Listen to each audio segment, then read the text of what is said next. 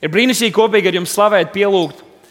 Ziniet, ir, ir kaut kas īpašs tajā, kad mēs piedzīvojam Dievu pavisam mūsu personīgajā kambarī, mūsu personīgajā laikā ar Dievu. Un to vajag darīt.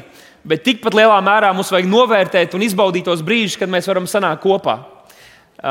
Bībele dod īpašs apsolījums tām sapulcēm, tam laikam, kad mēs ne vienkārši vieni paši mūsu personīgās attiecības ar Dievu izdzīvojam, bet ka mēs esam kopā ar citiem ticīgajiem. Tāpēc gribu iedrošināt visus, kas jūs esat šeit, ta, kam tas ir jūsu, nu, neteikšu, reliģisks pienākums, bet kas ir jūsu ticības izpausme.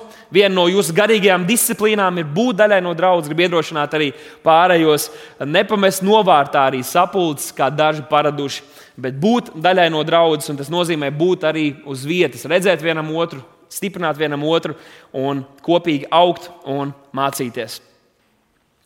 Jūs droši vien esat dzirdējuši šo frāzi, kas man liekas, mūsu sabiedrībā arī diezgan populāra kļuvusi, un tas ir neusticies nevienam. Neusticies nevienam, un iespējams, ka to kādreiz saka ar to nodomu, ka, ja tu nevienam īsti neusticēsies, tad tu netiksi sāpināts. Tu sev pasargās no vilšanās, jo tad, kad tu it kā sevi atver kādam uzticoties, tad tu sevi pakļauj eh, riskam, ka kāds var tev iedurt, nu, kā saka, dunci mugurā. Jā, neusticies nevienam, bet vai tā vispār cilvēks var dzīvot? Vai cilvēks var dzīvot neusticoties nevienam? nevienam. Nu, pamēģini izveidot labas attiecības ar kādiem draugiem, kuri, tavuprāt, tev ir tuvi, bet neusticies viņiem. Varbūt jau pirmajās reizēs vai pēc kāda laika jūs esat gadus, divus draudzēties, un jūs jūtat viens otru kā labākos draugus un kādā nozīmīgā savas nu, dzīves dienā, kad jūs atkal esat kopā, nu, pasak viņam, e, tu esi mans labākais draugs, bet es tev neusticos. Pamēģiniet audzināt bērnus bez tā, ka jūs mācieties uzticēties viņiem, saprast, cik daudz jūs varat uzticēties viņiem, un arī dot viņiem iespēju uzticēties jums, atļaut bērniem uzticēties jums. Starp citu, bērni dabīgi uzticas pieaugušajiem. Eh, bērni dabīgi uzticas eh, citiem cilvēkiem, tāpēc neusticēties mēs iemācāmies ar laiku. Tas ir kaut kas, kur mūsu dzīves pieredze, un pamācības, un vilšanās un sāpes mums, mūs noved vietā, kad mēs nespējam uzticēties. Jā. Bērni uzticās, bērni uzticās dabīgi. Tas ir iemesls, kādēļ vecākiem ir jāsagatavo savus bērnus. Ja nāk kāds svešs cilvēks, ko tu neesi redzējis, un te saka, man tēta vārdu, saka, tēta, teica, aicināja e, aizvest tevi vai kaut ko tamlīdzīgu, vai kāds nāk un grib parādīt balons vai mašīnu, nesako viņam. Ja, jo bērnam dabīgi nav būt aizdomīgam un neusticēties svešiem cilvēkiem. Bet nu, tā nevar dzīvot, mēs to saprotam. Tu nevari neko izdarīt, ja tu nespēji uzticēties uh, citiem cilvēkiem. Kā būt ar laulību, laulības attiecības, kā būt dzīvot tādā laulībā, kur tu zini, ka nekad tu nevari būt drošs par neko, ko šis otrs uh, līdzcilvēks darīs. Tā, tā tiešām nevar dzīvot. Um, vēl kāds teiciens ir diezgan populārs un savā ziņā patiesa ir, ka uzticību ir viegli pazaudēt, vai ātri to var pazaudēt, bet viņu grūti uh, ir nopelnīti, jeb šo eh, vajag daudz laika, lai mēs uzticētos kādam. Un, protams, ka savā ziņā tas ir patiesi, zinot realitāti, kurā mēs dzīvojam, bet tas tikai parāda, cik salauzta, cik sabrukusi, sagruvusi ir tā sabiedrība un kultūra, kurā mēs dzīvojam. Ja teiksim, Bībeles uh, laikos, kad Bībele bija sarakstīta, īpaši vecā darbā, mēs redzam, ka tas bija tajā kultūras vidē pieņemts, kad līgums pat nebija jāparaksta. Ja kāds vīrs vai sieva pateica jā, tad tas bija jā. Un ne tikai uz viņu pašu bija spiediens, un ne tikai no ģimenes puses bija spiediens tā arī rīkoties, bet tas bija no visas kultūras um, ārkārtīgi liels spiediens. Mūsdienās, jā, mēs Mūsu sākotnējā pozīcija attiecībā uz citiem cilvēkiem bieži ir: es neusticos, kamēr tu man ļoti ilgā laika posmā neparādīsi, nepierādīsi pretējo. Šodien es gribēju jums pajautāt, draugi, um, kas ir tas, kam jūs uzticaties? Kas ir tie cilvēki, kam jūs uzticaties? Um, varbūt tie ir mediji vai kāds konkrēts žurnālists, kas jūs zinat, ka vienalga, kas notiks, viņš nekad nebūs subjektīvs, viņš vienmēr jums pateiks patiesību. Varbūt kādiem no jums tas ir kaimiņš, kāds, kurš, vai kāds kolēģis, kurš vienmēr, viņam vienmēr atbild uz visiem jautājumiem. Jūs pazīstat kāds tāds cilvēks? Nav neviena tēma, nevien, ne, neviens jautājums, kas paceltos, kur viņš jau nezinātu to, viņš nezinātu atbildi un visas nianses ap šo jautājumu. Varbūt kādiem no jums ir tāds cilvēks, jūs zināt, nu, principā, ja man ir kāds jautājums, paprasīšu kaimiņam, un, un es būšu lietas kursā. Uh, varbūt kādu no jums uzticaties kādam sociālo mediju personībām, vai ne? Uh, jūs ilgstoši viņām sekojat, un kā nodibināt šī saikne, ka jūs viņus pazīstat. Līdz ar to uh, visu, ko viņi jums saka, jūs uztverat kā bībeli, uztverat kā, kā patiesību. Mūsdienās varbūt kādi uzticās chat GPT, ja, mākslīgiem intelektam. Tu zini, cilvēki var samelot, bet ne jau chat GPT. Ierakst viņam, vai Dievs ir, ja, vai Jēzus tiešām augšām cēlās, un tad skaties, ko viņš pateiks. Un tad nu, tu zināsi, kāda ir šī patiesība. Uh, tas, ko es gribēju, varbūt, lai mēs sākumā saprastu, ka mēs jau visi uzticamies kādam. Jautājums ir, kam mēs uzticamies ar kuriem mēs varam būt atklāti, ar kuriem mēs esam ievainojami. Un kāds teiks, es tam vienam neusticos, bet noteikti ir kādi, nezinu, varbūt online kāds cilvēks, svešinieks, kam tu stāsti visu, bet kādam savam līdzcilvēkam tu nespēji uzticēties, būt ievainojams un, un uzticēt kaut ko pavisam svarīgu, kas, kas tev pašam ir. Un, bet tā dzīvot nevar. Un, Tādēļ šodien es ticu, ka šis vārds būs atbrīvojošs, jo ir kāds, kam mēs varam uzticēties. Uh, Bet iesāksim mazliet padomāt par šo pašu vārdu, uzticams, uzticīgs. Bībelē mēs redzam, ka arī daudz šis vārds ir lietots gan vecajā, gan jaunajā derībā. Um, es teiksim, tā priekš sevis nodefinēju, un cik es skatījos, ka tas būtu aptuveni kā varētu to arī uh, tā likt. Nevienmēr tas Bībelē tā lietots, bet kā vārds uzticams nozīmē tāds, uz kuru var paļauties. Paprast kādam savam blakus sēdošajam, vai tu esi uzticams, vai tu esi tāds, uz ko var paļauties. un Tad otrs šis vārds ir uzticīgs, kuru nu, es teiksim, noreducēju līdz šim vārdam, kad, jeb šai definīcijai, ka tas ir tāds, kurš paļaujas, ja, vai tāds, kurš var paļauties. Nevienmēr un uz visiem mums vajag paļauties. Protams, ka mums ir veselais saprāts, bet um, tāds, kurš spēj paļauties, tāds, kurš spēj uzticēties citiem. Pagājušajā svētdienā mēs dziedājām šo dziesmu, es esmu izlēmis sekot Jēzumam man vairs nav ceļa atpakaļ, bet jautājums ir, protams, ka, nu, protams, ka mēs esam izlēmuši sekot Jēzum, bet vai viņam var uzticēties? Vai mēs varam uzticēties tam Jēzum, par kuru mēs runājam? Un, ziniet, mēs jau visi zinām pareizo atbildi. Kurš nezina pareizo atbildi? Bet tas, vai mēs tiešām tam ticam un vai tiešām mēs to tā arī saprotam, parādās tajā, mēs, tajā veidā, kā mēs dzīvojam savu dzīvi. Jo ticība dievam, glābjoša ticība ir kaut kas tāds abstrakts, var šķist, ka mēs runājam par mūžības lietām. Bet tā mūžīgā ticība jau kaut kā izpauž mūsu ikdienā, tā izpauž mūsu lēmumos, Un tādēļ, iesākot, es gribu jums parādīt 5. mūža grāmatas 7. nodaļu, kur ir rakstīts, tad nu tev būs atzīt to mūzu, saka Izraēla tautai, kurai mēs zinām no vēstures, ka ik pa laikam bija problēmas ar uzticēšanos tam kungam. Un mūzis viņiem saka, tad nu tev būs atzīt, ka tas kungs tavs dievs ir dievs, kas ir uzticīgs, saki uzticīgs. Uzticams Dievs, kas derību tur un dara žēlastību tiem, līdz tūkstošam augumam, kuri viņu mīl, un tur viņa baušas. Tātad ticība kaut kā izskatās, mīlestība kaut kā izskatās, un tā izskatās tajā, ka viņi tur viņa vārdus. Bet šeit jau vecajā derībā Dievs gribēja, lai viņa tautas zinātu Tāpat arī Mozus gribēja, lai Izraels zinātu, ka Dievs ir uzticams, ka viņam var uzticēties. Pat tad, ja nevienmēr viss notiek tajā brīdī, tajā veidā, kā tu to gribi, Dievs ir uzticams. Un ilgtermiņā viņš novedīs to uh, tavu lietu līdz galam vispašā labākajā veidā. Tāpēc šodien šo runu es nosaucu uzticības vērts. Uzticības vērts. Vai ir kāds uzticības vērts šajā pasaulē? Un pasaulē grūti pateikt. Protams, ka mums ir jāuzticas vienam otram, tādēļ arī Dievs mums ir devis draugu, jo tā ir vide, kur mēs visi esam viena tēva bērni, kur mēs visi gribam viens otram kalpot un būt par svētību, bet mēs esam cilvēki. Mēs visi kādreiz kaut kur izgāžamies, kaut kas mums nesanāk, bet ir viens, kurš patiešām ir uzticības vērts. Un šodien es gribētu parunāt par to, tātad uzticības vērts, jeb apakšvirsraksts trīs iemesli, kāpēc uzticēties Jēzum. Tas pavisam vienkārši, bet es ticu, ka tas ir stiprinoši un tas ir tas, ko Svētais Gars grib, lai mēs šodien domājam, par ko mēs runājam. Kad Jēzus runāja ar saviem mācekļiem, viņš teica viņiem tādus interesantus vārdus. Viņš teica, nezūdieties, saka, nezūdieties. Nezūdieties par to, ko jūs ēdīsiet, ko jūs dzersiet, ko jūs vilksiet mugurā. Nu, mūsdienās varbūt varētu vēl pielikt, vai ne? Kā tu dabūsi jaunāko telefonu, kurš iznāks atkal pēc ik pusgadam, iznāk kaut kāds jaun, jauns telefons vai vēl kaut kādas lietas. Ja? Mācītājs pieminēja, X5 varbūt. Ja? Nezūdieties par šīm lietām. Varbūt jums pat tās nevajag. nezūdieties. Jēzus teica, viņš teica, klausieties, Jēzus to teica saviem mācekļiem, nezūdieties. Un tad viņš runā par pamata vajadzību apmierināšanu mūsu dzīvē.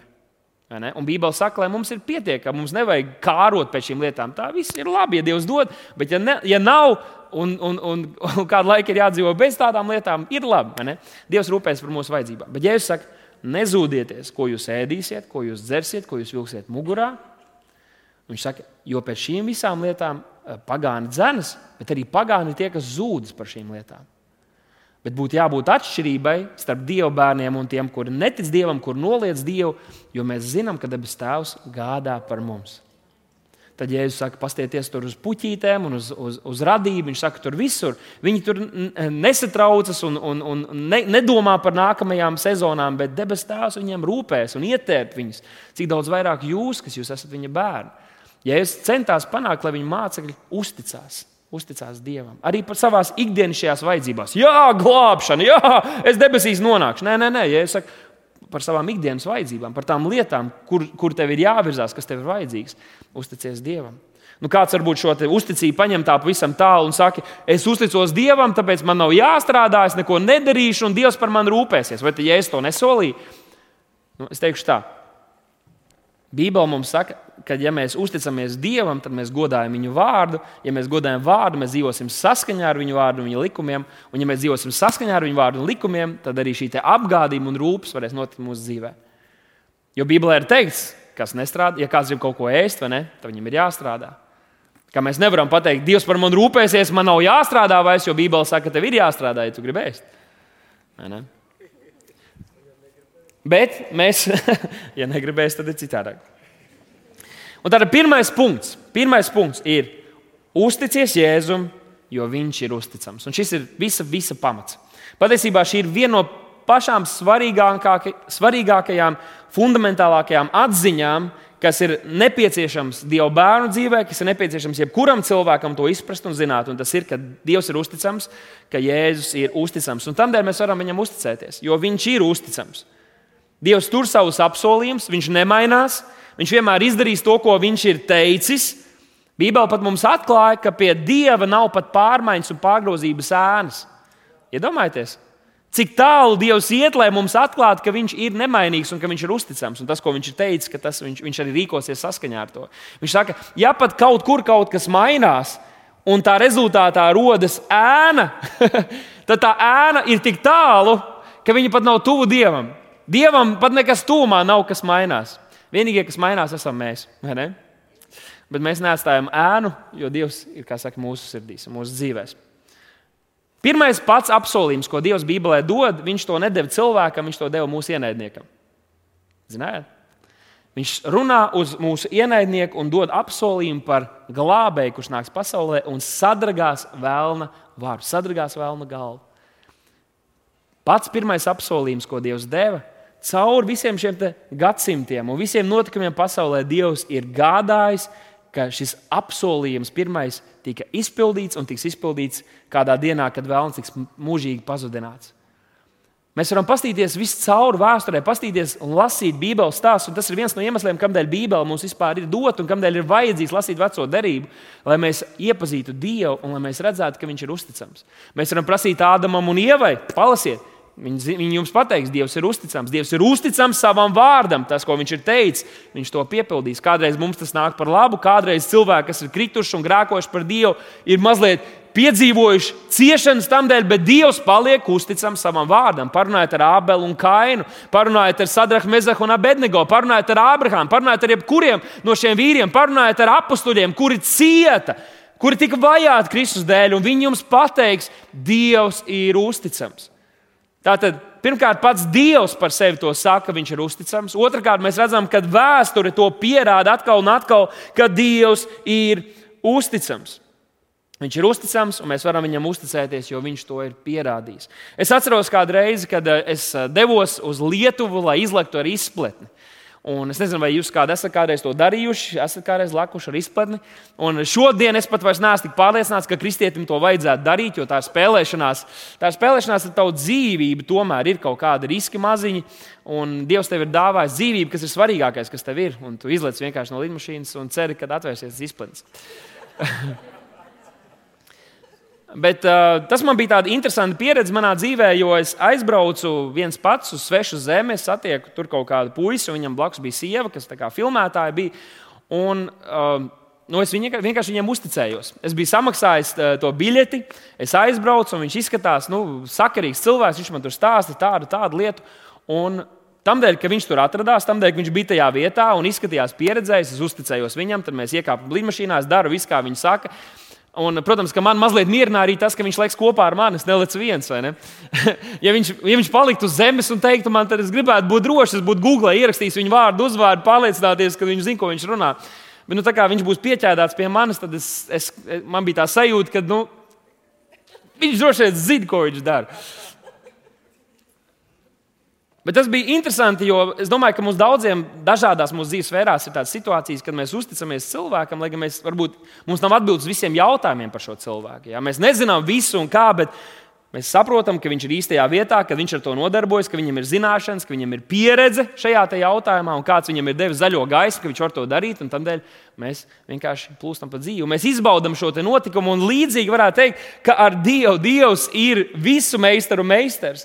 Un tad, kad mēs komunicējam viņu, vienalga kādos mūsu dzīves jautājumos, tad mums ir jāzina, ka viņš ir viszinošs, viņš ir visvarens, viņš ir visspēcīgs. Viņš zina, kā bija, kas būs, viņš zina, kāpēc un kas ir radīts un kā kas darbojās. Un, ja mēs ar viņu konsultējamies, tad mēs vienmēr, nu, tad mūsu dzīve būs piedzīvojuma pilna, mēs vienmēr dzīvosim uzvarā. Un labākais ir tas, ka viņš ne tikai mūs ir sūtījis, bet viņš pats ir apsolījis, ka būs ar mums līdz pasaules galam. Kā mēs esam ar viņu savienoti ar šo jūgu, līdzīgi kā es ar to instruktoru, ka lec ārā no lidmašīnas, līdzīgi mēs esam savienoti ar Dievu, kurš ir šis visa radītājs un viszinošais meistars, kurš sev ir pierādījis tūkstošiem gadu garumā, mums nevienam nebūtu jāapšauba, ka viņš zina, ko viņš dara. Un, ja mēs uzticēsimies viņam, mēs nonāksim īstajā vietā. Kad mēs skatāmies uz ebreju valodu, tad bieži ebreju valodā tiek lietoti vārdi, kas ne vienkārši ir vārds, bet tas vārds ir gan izvēlēts tā tāds attēls kaut kam. Un, kad mēs runājam par šo uh, vārdu uzticams ebreju valodā, tad tas ir attā, tā attēls šim vārdam būs akmens. Būs tāds kā akmens. Tātad kaut kas, pret ko mēs varam atspiesties, vai uz kā mēs varam kaut ko celt. Tātad šeit mēs redzam kaut ko. Ja? Man bieži cilvēks, kad ir noguris, tad mēs sākam kaut kur, gribam kaut ko stutēt. Tad bērnībā kādreiz teica, ko tur siena gāžās, ko tur stutē sienu un tam līdzīgi. Kad mēs esam paguruši vai mums nav spēka, tad mēs bieži gribam pret kaut ko atspiesties. Ja? Un tad akmens, ja uzticams, ir kāds, pret kuru mēs varam atspiesties un zināt, ka mēs nenokritīsim, ja? ka mēs nenogāzīsimies. Un Dievs ir uzticams. Un tad šīs otras akmens nozīme ir, ka mēs varam uz tā kaut ko celt, ja? uz klints celt savu dzīvi. Nevis uz smiltīm, kas nav uzticamas, kas mainās atkarībā no apstākļiem, bet klints, kas vienmēr ir stabils, vienmēr stiprs, stāv un uzticams, ir Dievs, kurš ir kā klints, uz kuras mēs varam kaut ko celt. Mēs varam celt savu dzīvi, un tad savas dzīves izskaņā mēs paskatīsimies atpakaļ. Uh, Vakar mēs svinējām kādas manas uh, radinieces 80 gadu jubileju, un tur mēs tieši ar Normūnu pārnājām, uh, ne, ar Jānu mēs runājām par to, ka atskatoties, ka mēs kādreiz varam saprast to, kā mums ir gājis dzīvē un ko mēs esam paveikuši atskatoties tikai. Un tu vari nodzīvot visu savu dzīvi, bet ja tu savu dzīvi nebūvē uz klints vai uz tā akmens stiprās, um, stiprā pamata, tad tu vari nodzīvot 8, 9 gadus, apstīties atpakaļ, un tur vairs nekā nav. Vētras viss ir nopostījuši, vējs viss ir nopūts. Bet, ja tu sāc kaut vai tagad, šajā brīdī, tu sāksi būvēt savu dzīvi uz klints, tas ir Kristus, tas ir viņa vārds, tad skatoties atpakaļ uz savu dzīvi, tu varēsi redzēt augļus. Tu varēsi redzēt dievu uzticamību, tu varēsi redzēt, ka kaut kas paliekošs, ka mantojums, ne tikai laicīgs, bet garīgs mantojums tiks nodots nākamajām paudzēm. Un 1. pētera vēstulē, 2. nodaļā, 6. pantā, mēs redzam, ka Pēters lieto šo pašu izteiksmu līdzekli, kuru arī Jēzus lietoja, atsaucoties uz vecās darbības pravieti. Par Jēzu te ir teikts, jo ir rakstīts, redzi, es lieku ciānā izredzētu, sakiet kopā ar mani, izredzētu dārgu stūra akmeni, un kas tic uz viņu, nepaliks kaunā. Bībele atkal un atkal saka, un dažādi dievi vīri teica, ka neviens, kas paļaujas uz to kungu, nepaliks kaunā. Un šeit viņš saka, ka tā ir dārgs stūrakmens mums dots un liks izredzēts, un katrs, kas tic uz viņu, nepaliks kaunā. Katrs, kas tic uz viņu, nepaliks kaunā. 7. pāns. Tad no jums, kas ticat, viņš ir dārgs, ieguvums, kas šis akmens, šis Kristus, šis uzticamais. Patiesībā angļu valodā vairākās raksturvietās, kur mums vienkārši ir teikts, viņš ir uzticams vai viņš ir uzticamais, ir lietots vārds the, the faithful, kas nozīmē, viņš ir tas, kurš ir uzticams. Ja? Nav neviens cits, ir viņš, kurš ir uzticams. Septītais pāns, tad no jums, kas ticat, dārgs ieguvums, bet neticīgiem tas akmens, ko nama cēlāji atmetuši, ir tapis par stūra akmeni un ir akmens, pār kuru krīt un klins pie kuras piedauzās. Jebkurā gadījumā viņš ir akmens, viņš vienmēr stāvēs, viņa vārds ir patiesība.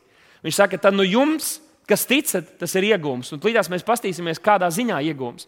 Bet tiem, kas netic, tiem, kas noliedz, tas ir kļuvis par akmeni, kur principā jūs piedauzaties, kur, kurš, kurš krīt pār jums un jūs pazudina. Tas ir Kristus. Tas ir Jēzus, tāpēc viņš teica, es esmu ceļš, neviens cits eh, ceļš nebūtu pie tēva kā vien es. Un cilvēks var izvēlēties to pieņemt, un atzīt un padoties Kristum, vai tieši otrādi to noraidīt. Un tie, kas noraida, viņš vēl aizvien ir akmens.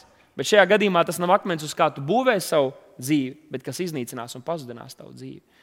Un, ziniet, bieži pasaulē, runājot arī ar cilvēkiem, droši vien arī jums šajā vasarā, kad mēs īpaši uzsvaru liekam uz evaņģēlijas sludināšanu un līdzcilvēku aizsniegšanu, jūs būsiet to pamanījuši, ka cilvēkiem ir vis visādi aizbildinājumi, vis visādi argumenti, kāpēc Dievs un Bībele un baznīca viss tas ir slikti. Ja? Pirmkārt, ko tu ir reliģiskais, ticīgais cilvēks? Šis priekšstats mūsdienu sabiedrībā radīts, ka, ja tu tici Dievam, tu esi principā stulbs. Tev jāizdara intelektuāla pašnāvība, lai tu varētu ticēt Dievam. Bet vai esat pamanījuši? Ir arī reizes, kad sabiedrībā ir cilvēki, kuri sevi uzskata vai sevi sauc par ticīgiem cilvēkiem vai par kristiešiem. Bet, ja viņi runā lietas, kurai sabiedrība, pasaule piekrīt, tad pasaule viņiem aplaudēs. Un viņiem nebūs iebildumu, un viņiem nebūs problēma ar to, ka šis cilvēks saka, ka viņš tic dievam vai viņš ir kristietis. Jo viņi teiks tās lietas, kuriem, kurām pasaule piekrīt. Un ziniet, uz ko tas mums norāda? Ka pasaulē nav problēmas ar to, ka jūs esat ticīgi un viņi nav ticīgi. Problēma ir tā, ka mēs runājam, mēs stāvam par lietām, kuras pasaulē nav pieņemamas. Jo pasaule iet vienā virzienā, bet Dieva bērni iet citā virzienā. Bet neļauj, lai šie, šie tādi pārmetumi, apvainojumi, ah, tu esi kristietis, hei, viņu problēma ir tas, par ko. Viņa problēma ir tas, kas Dievs ir un par to, ko Dieva vārds saka, nevis par to, ka tu tam tici. Es tev simtprocentīgi varu ap, apsolīt, un, un tas jau ir pierādījies. Bet nu, paskatīsimies, kāda ir ieguvuma. Es paskatījos Bībelē, jaunajā darbā, kā ir runāts par Dieva uzticamību un ko šie akmeņi mums varētu nozīmēt. Un viens no tiem ir, ka šis akmens, jeb Dieva uzticamība, ir, ir, ir kas ir tas pamats, uz kura mēs varam stāvēt, uz kura mēs kādreiz varam pat nokrist, tad, kad mēs esam vāji. Nevienmēr mums ir atbildes, nevienmēr mēs esam stipri, bet tas ir akmens, kas ir uzticams. Un kādreiz savā nespējā mēs vienkārši nokrītam uz altāra un sakām, Tēvs, palīdz man. Un viņš vienmēr ir uzticams. Kad mēs esam vāji, viņš vienmēr ir uzticams, viņš ir spēcīgs. Tāpat arī šis akmens ir kā drošība par svētāpšanas procesu. Viņš ir tas, uz kuru mēs paļaujamies, ka viņš ir tas, kurš darīs mūs pilnīgus līdz tai dienai, kad mēs satiksim Kristu. Mēs varam uzticēties, ka šis process ir viņa darbs un viņš ir uzticams pie mums, lai gan mēs paši neesam spējīgi uz to.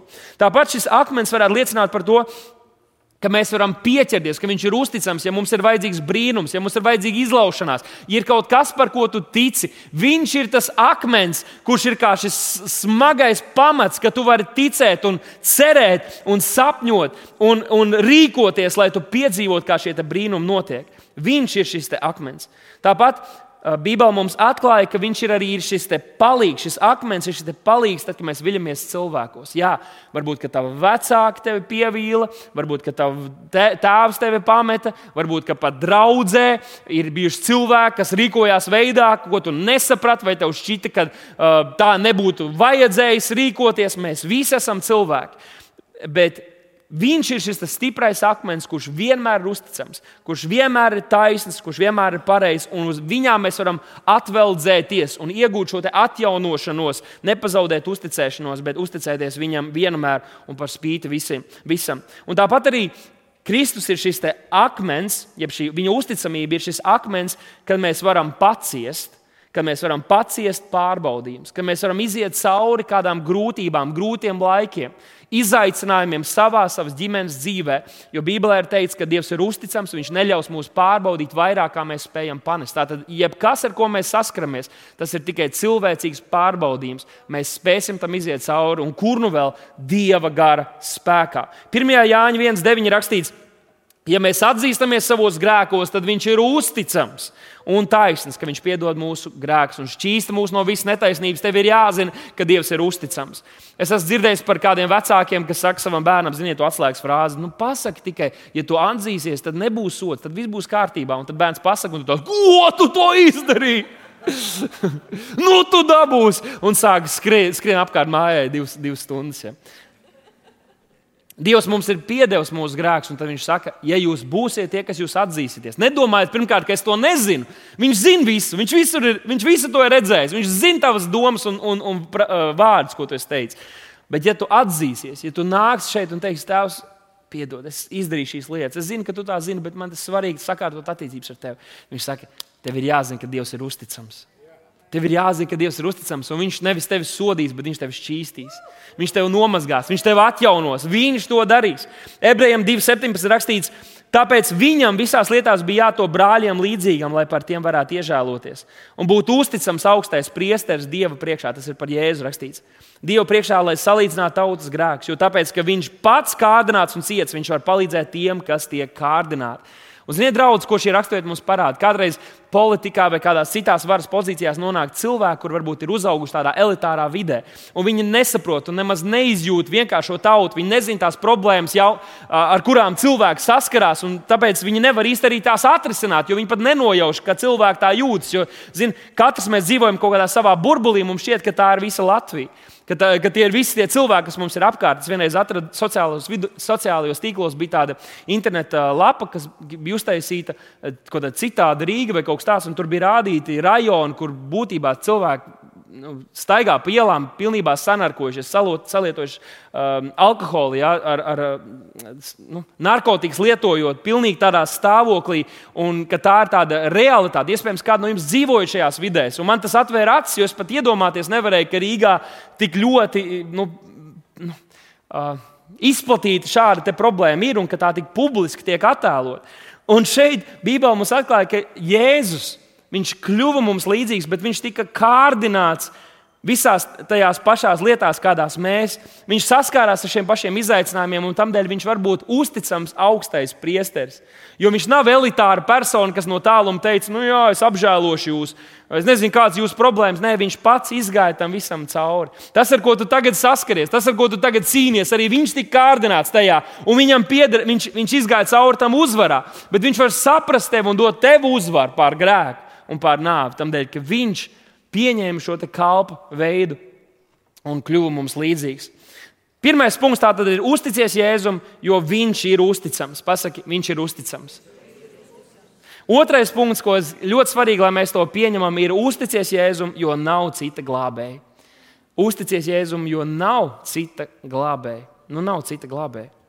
Iesaistīt 43 rakstīts, priekš manis nav neviena cita dieva bijis, un pēc manis neviena cita arī nebūs. Vienīgi es esmu tas kungs, bez manis nav cita glābēja.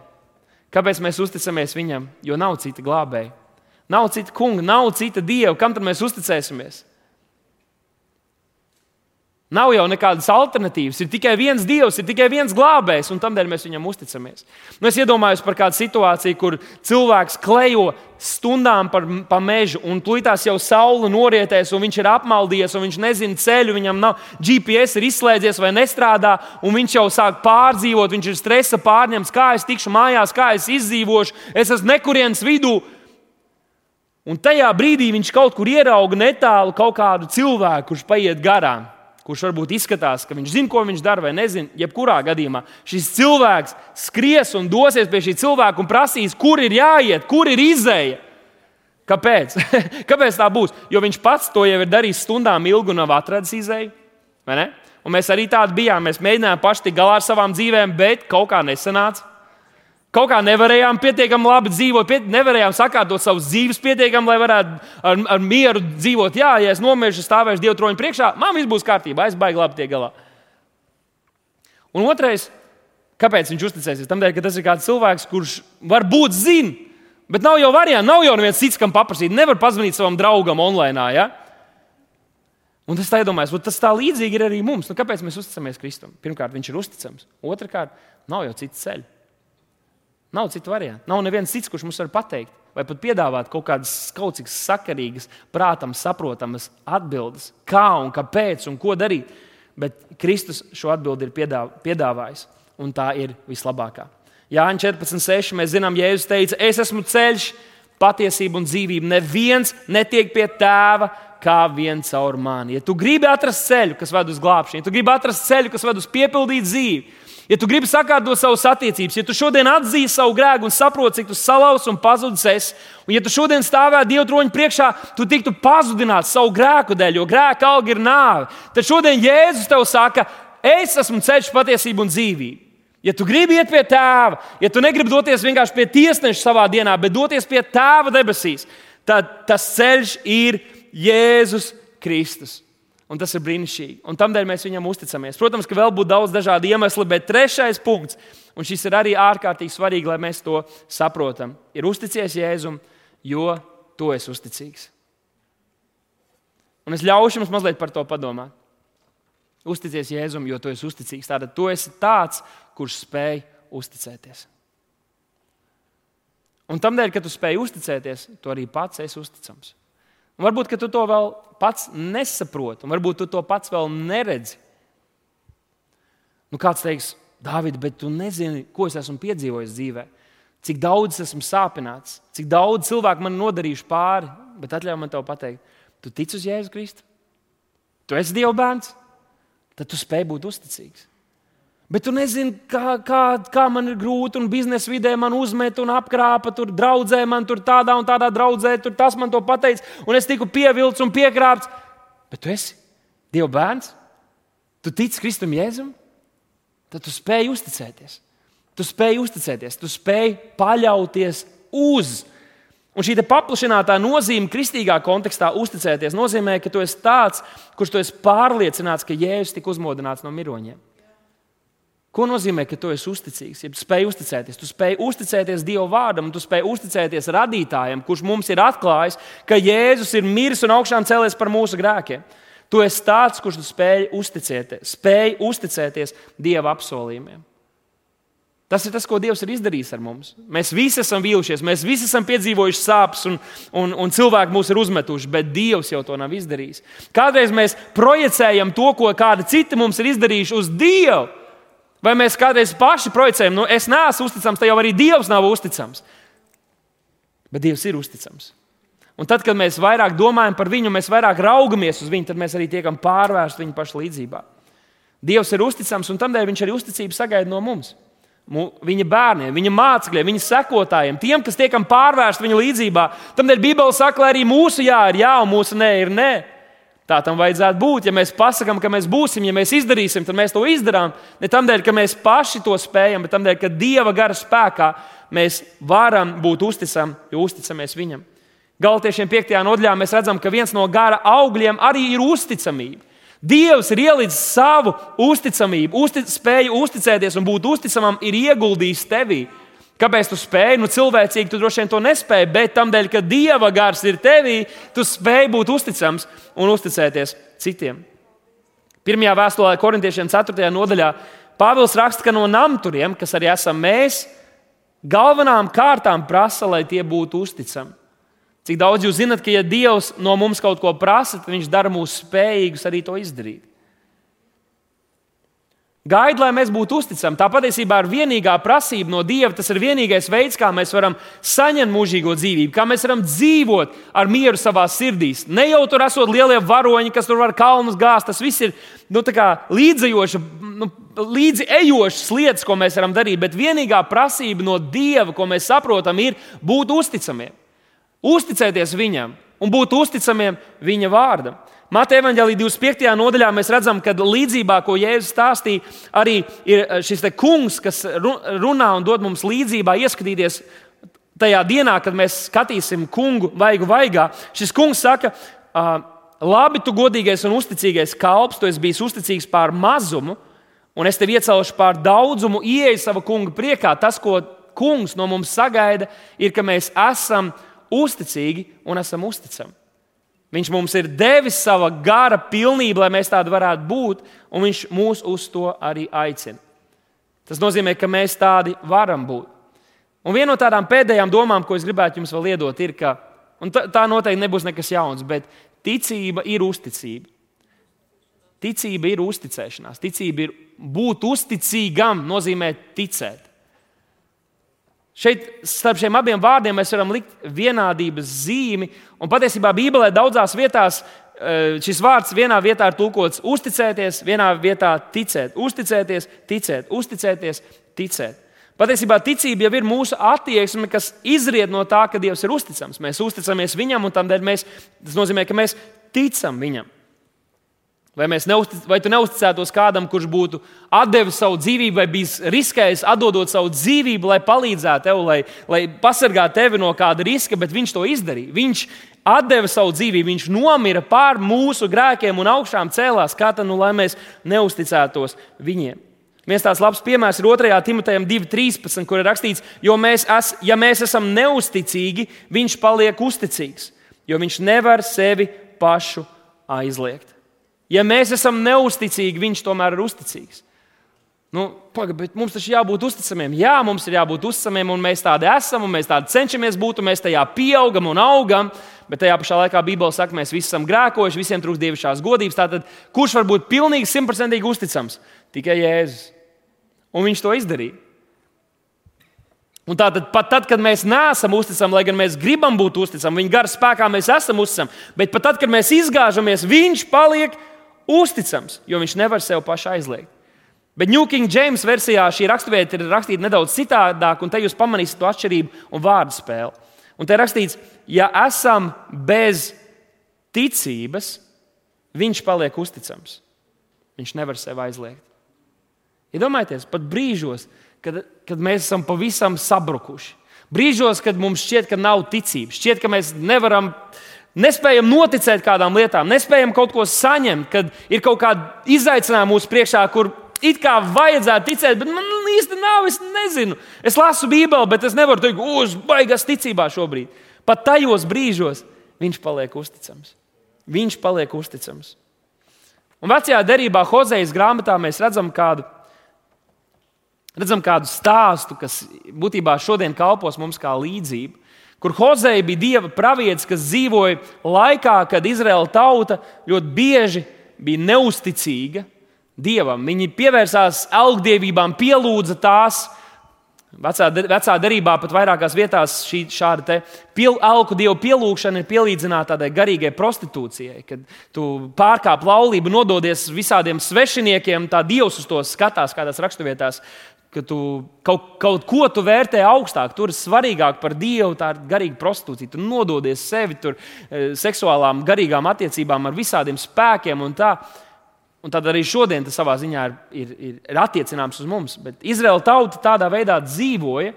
Un tad Dievs runā uz savu pravietu. Un tas ir neticami. Pirmā reize, kad tu to lasi, nespēji tam noticēt. Un Dievs saka savam pravietim, lai viņš ņem par sievu kādu netikli vārdā Gomēra kādu netikli vārdā Gomēra. Tātad viņa jau iepriekš dzīvoja tādu netiklu, izlaidīgu dzīvesveidu, bet bija skaidrs, ka viņa tādu turpinās dzīvot arī atrodoties laulībā. Un tad Dievs saka, līdzīgi kā Izraēla tauta, kas visu laiku pārka, lauž savu uzticību Dievam, ka šī pati sieviete arī tāpat darīs. Bet tad šim dieva pravietim bija pienākums, ka tad, kad šī Gomēra bija atstājusi viņu, lauzus viņu derību, bet, kad atgriezās pie viņa, viņam bija viņu, viņai jāpiedod un viņa jāpieņem. Un, es, un, un tas tā arī notika. Un tas bija kā attēls. Viņš, Dievs gribēja parādīt Izrēlam to, cik viņi ir neusticami, bet tomēr viņš ir uzticams. Viņš gribēja parādīt, ka viņš ir uzticams pat tad, kad Izraēla tauta ir neusticama. Un es, es zinu, kā jaunās darbības kristieši kaut ko tādu var Uz kaut ko tādu var skatīties. Kā pretīgi. Pilnīgi, Mēs zinām, kādi ir tie standarti augstie uz laulību. Dievam laulība ir starp vīru un sievu, kas taisnām un netaisnām kopīgi jaunajā derībā. Bet toreiz tas bija unikāls mirklis un notikums, kad Dievs gribēja atklāt savai tautai un tam lietoja, šo attēlu. Un tie no jums, kas saka, oi, pretī, kā tas vīrs kaut ko tādu varētu darīt, ja Hozeja, un kā Dievs kaut ko tādu varēja aicināt, paklausieties. Mēs esam šodien tā gomēra. Arī šodien Dievs to pašu saka savai draudzēji. Arī šodien Dievs to pašu saka. Gan vairs tas attēls mums nav nepieciešams, jo Kristus mums to jau ir parādījis. Arī mēs esam tie, kas mēs nevienmēr ne esam uzticami. Mēs reizēm izgāžamies un laužam savu darību. Un Dievs to attēlu šodien var pārcelt uz mums, kad mēs ieraudzītu, hei, pat tad, kad mēs neesam uzticami, Viņš ir uzticams. Viņš ir uzticams, viņš ir tas hozē, viņš ir tas vīrs, kurš sieviete iet un pārkāp laulību, nododas citiem vīriem, bet, kad atgriežas atpakaļ, viņš ir mīlestības pilns, lai piedod un apžēlot. Un šajā vecās darbības stāstā es, es nezinu, kā tas ilgtermiņā izskatījās un kas notika ar šo sievieti Gomēru, kad tās attiecības tā turpinājās. Man gribētos domāt, un gribētos cerēt, ka pavisam dabīgi viņa ar laiku saprata, ka viņai nav kaut kādas viņas iekšējās sāpes, jāiet kaut kur realizēt un nodoties šīm problemātiskajām attiecībām apkārt. Viņa ar laiku saprata un iemīlēja šo hozeju. Bet šodien man šķiet, ka tas piemērs uz mūsu katru varētu runāt tieši tādā veidā, tā kā Bībele saka, tā, ka mēs neesam uzticami, viņš ir uzticams.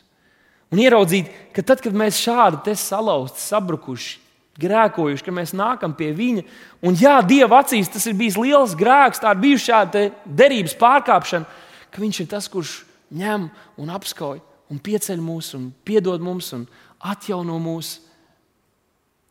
Un tā rezultātā mēs ar katru reizi, jo vairāk varam uzticēties viņam, Esmu dzirdējis stāstus par, par vecākiem un bērniem un laulībās, kur kaut kas līdzīgs ir noticis, līdzīgs dinamikas ir notikušas, kur kāds parādot šo pašaizliedzību un uzticību, spēj iemantot otru, un šis otrs cilvēks izmainās. Un es ticu, ka tas ir tas, ko Dievs dara ar, ar daudziem no mums. Ar daudziem no mums. Kad mēs, ja mēs atzīstamies savos grēkos, Viņš ir uzticams. Un kad mēs nākam pie viņa, nevis aizskrienam un bēgam, domājot, ka viņš dusmos, bet nākam pie viņa, tad viņa uzticamība ir ir tā, kas dziedē mūs. Viņa uzticamība ir tā, kas mūs šķīsta. Un viņa uzticība ir tā, kas maina mūs un dara arī mūs spējīgus uzticēties viņam un būt uzticamiem.